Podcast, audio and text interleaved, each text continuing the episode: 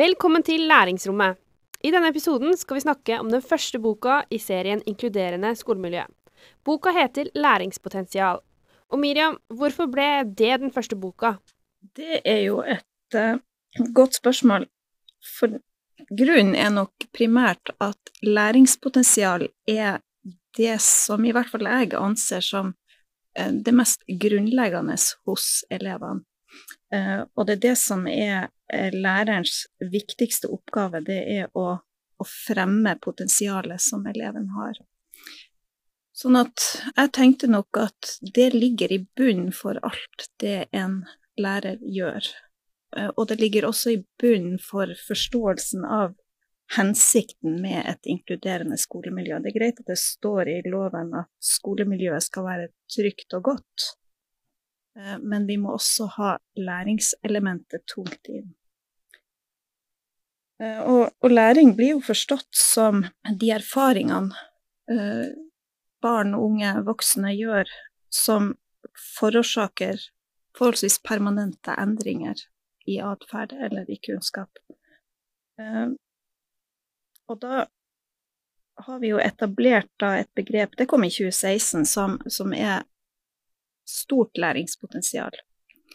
Eh, hvor jeg i mitt kapittel diskuterer begrepet stort læringspotensial opp mot lavt læringspotensial. Og da må man jo spørre seg finnes det et lavt læringspotensial? For der har du noen tanker, Anita? Ja, eller det som jeg egentlig syns er litt vanskelig når man snakker om stort eller lavt, eller høyt og lavt, da, som blir på en måte det som er motsatt av hverandre, læringspotensial, er jo at eh, man får læringspotensial til å høres ut som noe veldig homogent. Altså enten har du læringspotensial, eller så har du det ikke. Og jeg tenker det er jo mye mer komplekst enn det. Eh, for eksempel, en elev kan jo være utrolig dårlig i musikk, ha et lavt læringspotensial i musikk, men ha et høyt eller stort læringspotensial i matematikk. Så jeg føler at når man snakker om stort eller lavt læringspotensial, så høres det veldig sånn absolutt ut, og det, det syns jeg er litt vanskelig.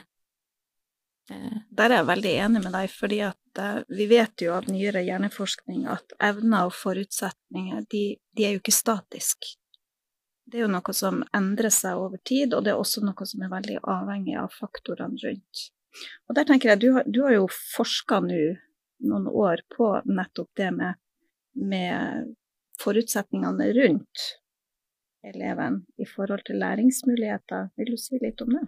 Ja, altså jeg har jo sett på eh, Fagfeltet mitt er jo matematikk, og i matematikk har vi jo tradisjon for å Jeg vet ikke om vi akkurat snakker om læringspotensial, men, men jeg tror mange tenker det at vi bruker standardiserte tester for å si noe om eleven har et læringspotensial i matematikk, eller om de har et stort læringspotensial i, matematikk, om de har matematiske evner.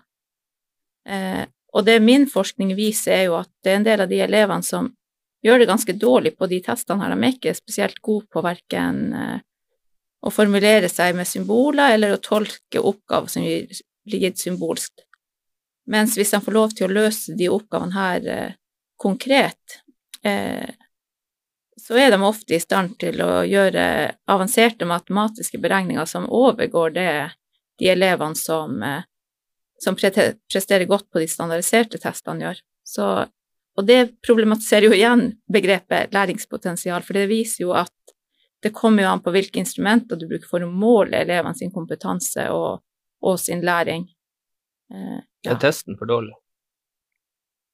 Jeg kan ikke si for dårlig, fordi at eh, eh når du forandrer testene, så får du jo andre elever som presterer høyt, så det, det er vel mer kulturelt. Hva er det du ønsker å måle? Hva er, det, du, hva er det som har verdi i den kulturen og i det samfunnet du er i? Og det er klart, eh, ja, tradisjonelt har jo den symbolske abstrakte matematikken hatt, en, hatt høyere status enn praktisk eh, matematikk. Men det som fascinerer meg veldig med, med, de funnene som du gjør i din forskning, det er jo det at eh, når elever får andre andre måter å løse den samme oppgaven på, eller de får andre innganger til oppgaveløsninga, eh, så presterer de langt høyere enn det læreren har forventa. Eh, og det tilsier vel også at man kan ikke, man kan ikke sette en eh, to strek under svaret når det kommer til læringspotensial. Fordi at det avhenger av så mange andre faktorer. For eksempel, Fredrik, når, når det som du forsker på nå for tida, det her med, med, elever som får spesialundervisning i skolen, hva, hva ser mm. du i forhold til potensial? Altså, i min forskning så har jo en skole omorganisert spesialundervisninga fra å være eh, segregert fra det ordinære klasserommet, altså ute i gruppe, til å flytte det inn. Altså, de har integrert spesialundervisninga, og lærerne, da spesiallærer, klasselærer, begynner å samarbeide og, og ivaretar de her elevene i, i samarbeid. Og, og, de har jo ofte hatt eh, stor progresjon etter at de kom inn i, i klasserommet, og spesialundervisning egentlig nærmest forsvinner. Eh, vi har jo altså, sånn, eh, Statistisk sett så blir det mer og mer spesialundervisning i grunnskolen jo høyere opp eleven kommer. Altså fra veldig lite i første og andre klasse, men så øker jo de faglige kravene fra tredje, fjerde, og så i tiende så har vi flest elever med spesialundervisning. Men jeg følte blant annet fire elever som gikk fra å ha syv-åtte timer i uka til å bli utskrevet fra spesialundervisning. Mm. etter at de kom i klasserommet og lærerne og si, oppdaga at de har, de har læringspotensial, de òg. Men kan vi si det sånn at et enkeltvedtak om spesialundervisning, det gir automatisk en lav læringsforventning? Det kan fort skje. Akkur akkurat som testsvar. Eh, ja, ja, ikke sant. For det hadde jeg lyst til å si i stedet når dere snakker om denne, denne testen. Eh, så har de samme funn fra leseforskning, altså der, der dårlige lesere Ok, de er dårlige å lese, men, men så får de en, en test og de skal lese en tekst om noe de er interessert i eller har, har eh, gode bakgrunnskunnskaper om fra før, og så får de høy score. Mm. Enn hvis du kjører en ren teknisk lesetest, eller, eller, bare om et tema de egentlig ikke har bakgrunnskunnskaper om eller bryr seg om. Eh, men så, så, vil det jo være sånn at elevene kommer jo ikke til skolen flust med Altså, de vil ha bakgrunnskunnskaper, men vi skal jo lære dem ganske mye utover det det vil være naturlig for dem å komme bort i hverdagen. Så her må jo læreren da få lært dem de her bakgrunnskunnskapene på et eller annet vis før de eventuelt skal, skal lese tyngre tekster om det. Mm. Men nå er det jo forskjell, tenker jeg. Det er forskjell på potensial og, det, og prestasjon. Mm. Uh, og det vi kanskje snakker en del om nå, det er prestasjon. Eh, så hvordan kan man hvordan kan Eller man si det? prestasjon ut ifra forventning, da. Ja. Ut ifra det man trodde var potensialet. Ja, så hvordan kan man få fram gode prestasjoner som viser eh, et høyere læringspotensial enn det man kanskje trodde fra starten av? Anita, den der typen oppgaver som du har brukt, LIST Ja, de står jo for lav eh, lav inngang og stor takhøyde, som betyr at uh, den skal være lett for alle elevene å skjønne, og da er vi litt uh, tilbake til det Fredrik sier med at konteksten er viktig. Det skal være oppgaver som de kjenner, igjen, kjenner seg igjen i, og, og så de kan forstå at de har en erfaringsbakgrunn som kan være til hjelp. Og så er det det med stor takhøyde som gjør at de kan løses fra ja, helt enkle enkelt og konkret og til mer abstrakte og sofistikerte matematiske modeller. Det her kan man vel bruke i alle fag? Det vil jeg tro. Den, den tanken. Men, ja. Det høres ut som godt tilpassa opplæring, spør du meg. Ja, ikke sant. Ja. Men jeg tenker også det som dere kanskje har snakka om tidligere, det med læringsledelse blir jo veldig viktig, for man må jo på et eller annet vis se eleven, og ikke bare testresultatene, hvis man skal klare å si noe om ja, potensialet. Mm. Men det er jo det er jo komplekst.